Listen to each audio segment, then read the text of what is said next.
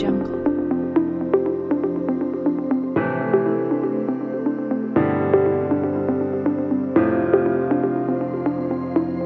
Audio Jungle. Astearen azken txampa hurbiltzen ari da eta hoi bezala, ba, argia astekariak aste honetan zer dakarren eh, ezagutu nahi dugu. Horretarako bertako Lander Ar- Arbelaitz daukagu telefonoaren bestaldean. Kaixo Lander, Kaixo, egunon, zer moduz gabiltza? ondo, hementxe, azte honetako aldizkariarekin jotazu, lanian. Ikusten dugu, eh, a- a- azalera, eraman duzuela, Zaldibar, Zaldibarreko zabortegiaren kasua, eta Aostar zelaietarekin elkarrizketa egin duzu. La Zaldibar, zona zero, liburuaren eh, egila da bera, eta horren inguruan egin duzu berba, ezta? Bai, ikusi dugu, ba bueno, e, urte hurrena gainean dakagula, ez, zaldibarreko zabor jauzia gertatu zela eta, eta, bueno, pues aukera ona iruditu zaigu austarrek idatzi dulako liburu bat ikerketa kazetaritza eginez, eta bertan informazio asko dagoelako, eta pizka bat, ba, gaia urte beteren ondoren zertan dagoen kokatzeko, ba, elkarrizketa polita egin dio estitxu itzagirrek. Mhm. Nahi badezu sakondu dezakegu pizkat, zer esaten duen. Bai, eh, azken urtean gainera, pues, datu piloa azaleratu dira, beste asko zaborrazpian e, oraindik gordeta daudela ikusten da, eta ahostarreko iduen bezala, ba, bueno, ba, horri ibili da, mukraker lan hori egiten, eta gainera berak hurbilekoa du, bueno, geografikoki ere kasua, ez da? Bai, berak esaten du, bueno, bera maiabi tarra dula aita, eta hortikan ba, gertu tokatu zitzaiola, eta egia esan hauztar eginen ibilitzen ikerketa kazetaritza, e, ikerketa taldean, eta ikusten zaio ba, asko dominatzen ditula informazio iturriak, eta bar, eta, bueno, pues adibidez, pues bertan esaten du bere ustez, kazetarien lana e, dela, eta izan dela kasu honetan, bai silpean gordena izen informazio hoiek azaleratzea, eta gustora ikusi zuela, ba, bere garaian, azitenean, leherketa guztiak duzenean, nola edabideek, e, esklusibitateari baino, ba, el, elkarrek ateatzen zuten informazioei oi hartzun ematen zietela, eta bere ustez, berak esaten du, ba, horrek izan behar duela jarrera, ez, ustelkeriaren aurrean. Eta pixkat, ba, bueno, ba, behin ja utxita zaldibarreko kontu guztioni, ba, berak esaten du, galdetzen dio, ba, e, ingurumen gaiak eta bar, ba, ez diola, normalean etzaiela ematen arreta hundirik, eta berak esaten du, ba, zaldibarren atzean, badagola, pues, betzerokeria, ate birakariak, zerbitzu publikoen Mhm. privatizazioa, ustelkeria, gardentasun eza, ez? Bera, bere ustez, zaldibarreko kasuak guzti horiei buruz hitz egiteko aukera ematen duela, e, ingurumenaren aurkako delitu bat izateaz gain, ez? Eta ironia asko erabiltzen du e, hauztarrek, ez? Eta berak esaten du zaldo- zaldibarretzen anekdota bat, kudeaketa eredu baten ondorio baizik, baina autopista bat izan zena afektatua, eta hori oso sakratua da Euskal Oasian, ez? Mhm. Eta, bueno, pues gero ematen dio aukera, ba, igual e, entzuleari emango diogo aukera edo gonbidapena irakurtzeko elkarrizketa, baina, bueno, hitz egiten dute luze eta zabal, ba, tartean, ba, zer den horrelako gauza batzuak ikartzen azteak, berak esaten du, ba, bezerokeria eta bar oso sustraitua dagoela e, gure gizartean, eta askotan deserosoa izan daitekela horako gauzei buruz hitz egitea, azkenean zer izan ere, gure auzokideak dira, edo gure seme arabekin egin dute komunioa, edo e, gertu, gertuko jendea dela, ez? Eta azkenean, ba, deserosoa dela. Bai. Edo baita ere, ate- bai, esan, esan. Bai, e, Euskal Herrian e, her- herri txikia da eta azkenean e, presioak e, igerriko zituen. Bueno, pentsatzen dut agostar ohitua dagoela, esan duzun bezala eginen ibilizan, ardi beltzan gero, eta gainera pues ohikoa duela berak eh, hainbat eh, libururen bidez, ba, Euskal Oasiaren edo Euskal Buenismoaren irudi hori gezurtatzea, ezta? Bai, hori da, eta hemen ere e, izena bizenekin egiten du, eh? elkarrizketan, bapatean galdetzen du, eh, ez ditxu galdetzen dio, zein pertsona izan dira gakoak zabortegia ezar zedin eh, azalduta gero jende asko herrian aurka zegola, eh? Ire, Mhm. irekitzea. Eta botatzen ditu, izena ditzen guztiak. E, Jose Ignacio Barinagarekin batera berte recyclenen sorreran parte hartu zuen e, honek. Gero EAJ-ko alkate Igor Ormaetxea Arando izan zen e, udal arkitektoa, ez dakit zer.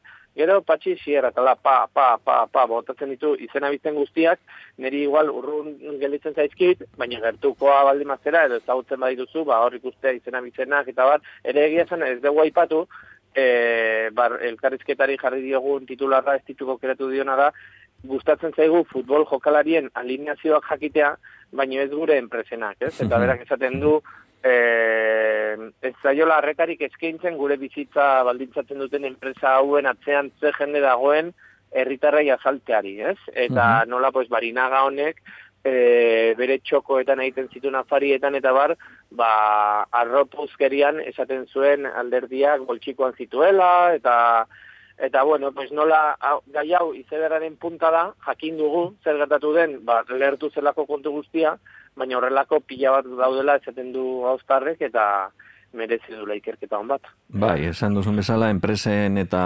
agintarien eh, arteko harremanak, e, e, gero badago hori kritika hori edabideen jarrerari, ez da ez, die, ez diegula, e, behar bezalako harrem, arretarik eskaini e, men inguru giro gai eibuz, baina baita ere, orokorrean, e, fenomeno hori agian e, ba, euskal gizartea gizarte industrialia izan denean edo, edo industria salea izan denez edo denez ba, bigarren maila batean geratu delako natura, ez da, orokorrean, esan da. Bai, natura eta ondakinen gaia ere bai, eh? momentu batean zaten du e, Euskal Herrian momentu batean ondakinen gaia ez erdira edo ez gai potente bihurtu zela, baina horri zaiten ari ginela etxeko ondakinetaz, eta batez ere gipuzkoan, mm -hmm. ba, erraustegiaren aurkako borrokaren ondorioz, hainbat herritan hasi zirelako askoz gehiago reziklatzeko atezateko sistemak jartzen, eta bar, eta hor polemika handi bat sortu zen horren inguruan, baina otzaldi barko kasuak ekarri duela, mai gainean jartzea, e, e, txetako ondakinak baino, askoz arazo handiagoa direla ondakin industrialak horiek direla, mhm. sortzen diren ondakin guztien euneko irurogeita marre, euneko larogei, ez? Eta hori orain arte ezkutu antzagola, eta etzala hitz egiten horri buruz. Mhm. Eta aparte, inguru giroari egiten zaizkion krimenekin gaudela erabat, ez dakit nola esaten duen, permeablea garela, ja, oitu garela, eta ez diegula larritasunik aitortzen, baina, bueno, pues kasu, guztio, kasu honek, mere, hori guztia maigainan jartzea ekarri, ekarri duela. Mhm. Aurrera ginez, beste gai, bueno, aktualitate handiko, beste gai bat ere jorratu duzue e, txertoen ingurukoa, hain zuzen ere, peio zubiriak, e, ba, bueno, kubako soberana txertoaren inguruko e, e, artikulu bat idatzi du, ezta? Bai, egia esan oso reportaje fina idatzi du peio, berako ikoan du metzela, eta azaldu du, bamen egunerokoan entzuten ditugun txertoei buruzko notiziez aparte, badagola txertoa kulertzeko eta planteatzeko beste modu, modu bat, eta hori dela Kuba egiten ari dena, ez? Eta azkenean Kuba egiten ari dela, Kubak baduela ja txerto nazionala eta publikoa. Eta e, esplikatzen du pixka bat, bat zein izan den prozesua, eta nahi bat zuen sakonduko dugu, baina ideia nagusi bezala, kubatarrek badakitela, edo batzekitela, ez zirela lehenengo, txe, lehenengoak izate, izango txerto bat sortzen, -hmm. Baina jarri diotela bere buruari erronka, bereiek izan nahi dutela munduko lehenengo herrialdea herritar guztiak txertatuko dituztenak, mm -hmm. eh? babesteko COVID-etik. Bai, askotan kuban egiten diren osasun arloko aleginak eta eta eta gainera arrakastak ere nahiko isilaraziak dira Europan, segurazki arrazoi komertzial eta geopolitikoen gatik, ez da, ze, bueno, nik gogoan dut adibidez, ba, minbiziaren aurkako e, tratamendu nahiko arrakastatxu bat da, dagoela, Eta gero zuk esan duzuna, ez da, ba, txertoen inguruan ere sortu, nik gogoratu nahi dut, hasieran sortu zalaia, hasieratik ahots batzuk altzatzen e, hasi zirela, ba, bakuna edo txertoa topatzekotan izan behar zala publikoa eta doakoa, ez mundu mailan esan nahi dut. Eta gero azkenean gailen dela, ba, merkatu logika, ez da?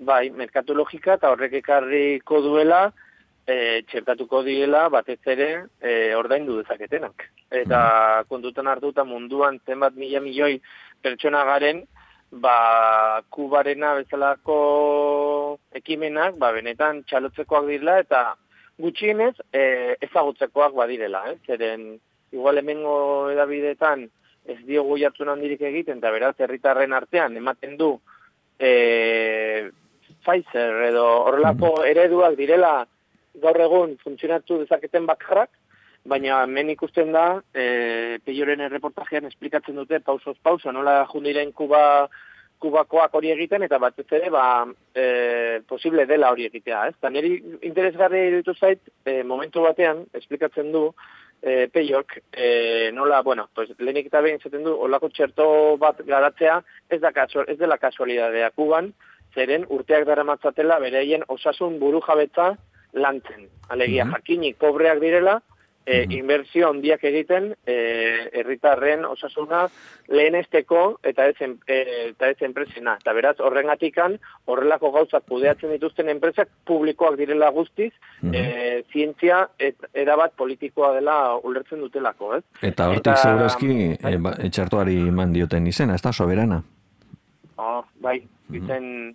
Ederra, egia esan lau txerto dazkate kuban, e, lantzen ari direnak, e, soberana bat, soberana bi, abdala eta manbiza.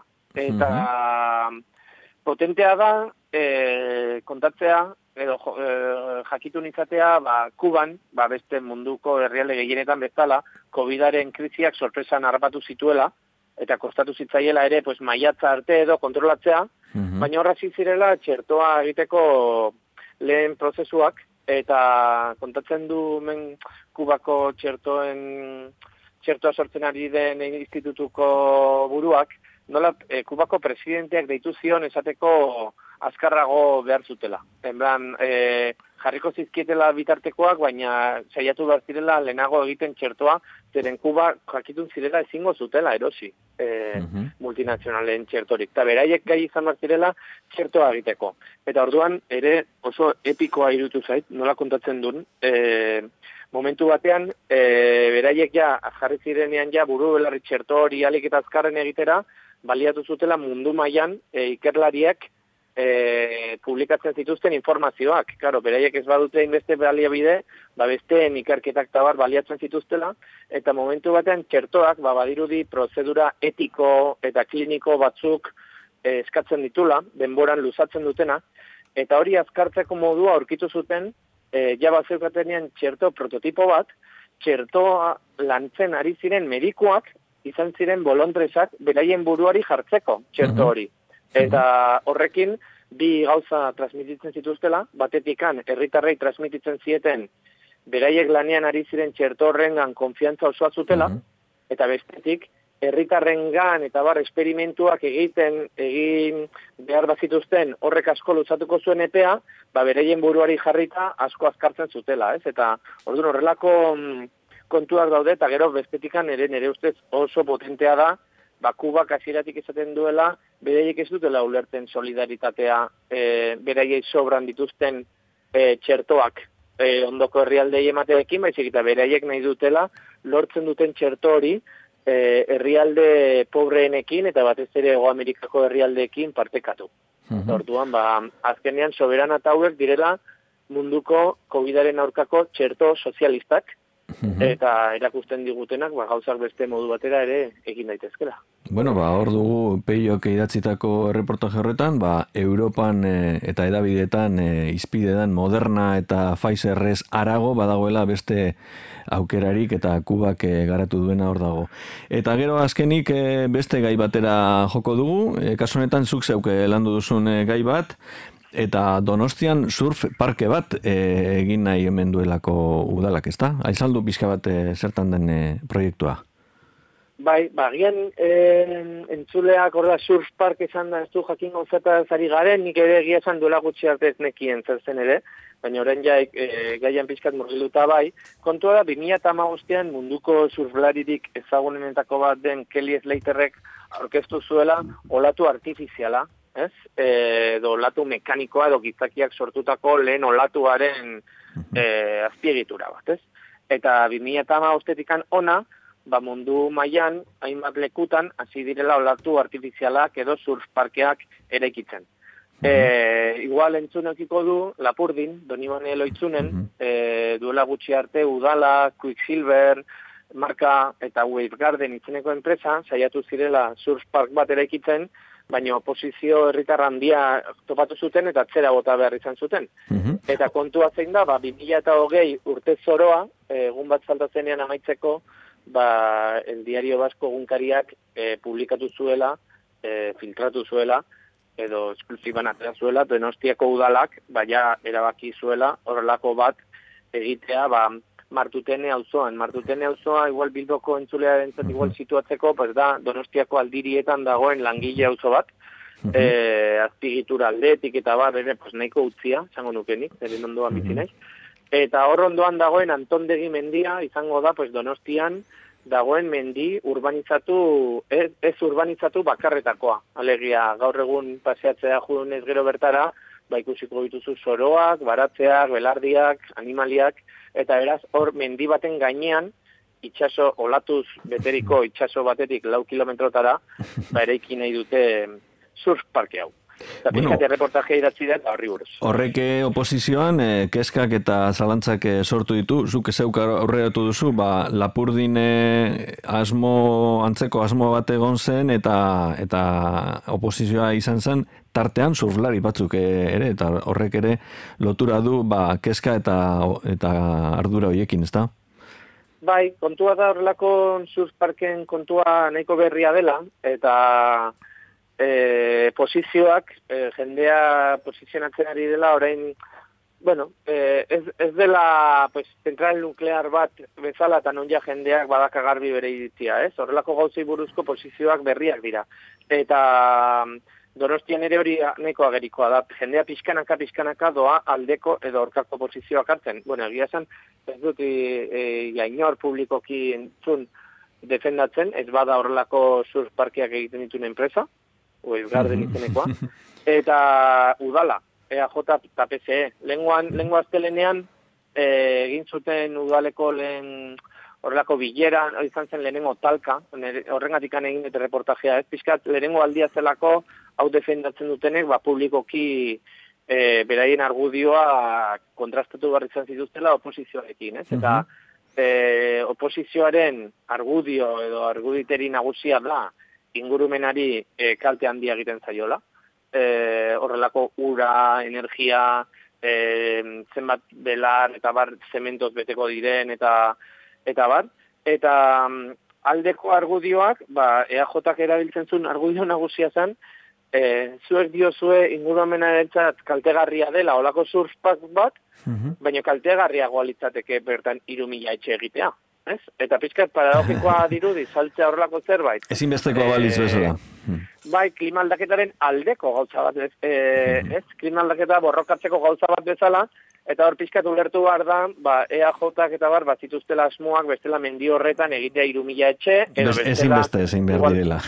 Bai, bai, ezin dela, ezin dela mendi bat utzi bere horretan, e, eta gainera, pues, pues bueno, azkenean, azken urtetan ez dakit Bilbon tikan irizten zaizue, baina donostian hiri eredu oso zehatz bat e, bultzatzen ari dira, eta bertan, ba, izugarrizko abiadurarekin, ba, pila bat proiektu denak norabide berean bultzatzen ari dira, ba, izan daiteken bezala ez dakit zenbat milioi euro e, xautzea iriaren erdigunean bosteun metroko metro tunela luzatzeko, edo erraustegi bat irekitzea iriaren kanboaldean, edo garbera izeneko merkatal zentro bat bikoiztea, edo HT, edo hotelak, edo bueno. Azkenean bada hiri eredu bat, eta nik uste dut surf parke hau, ba, e, eskema horretan kokatzen dela, eta pizkat ba, interesgarria dela ikustea ba, gaia orain azten ari dela, eta jendea bere posizioak hartzen ari dela, eta e, udalean kontatu zutenez bi urte barru tramitatu nahi dute, beraz bi urteko epe bat egongo da, eta nia sartzen naiz esatera, ba, talka sozial berri bat, ba, eragingo duen proiektua izan daitekela hau, ez? Eta, bueno, ere ez dela gauza berria, zeren 2000 eta zazpian, ja.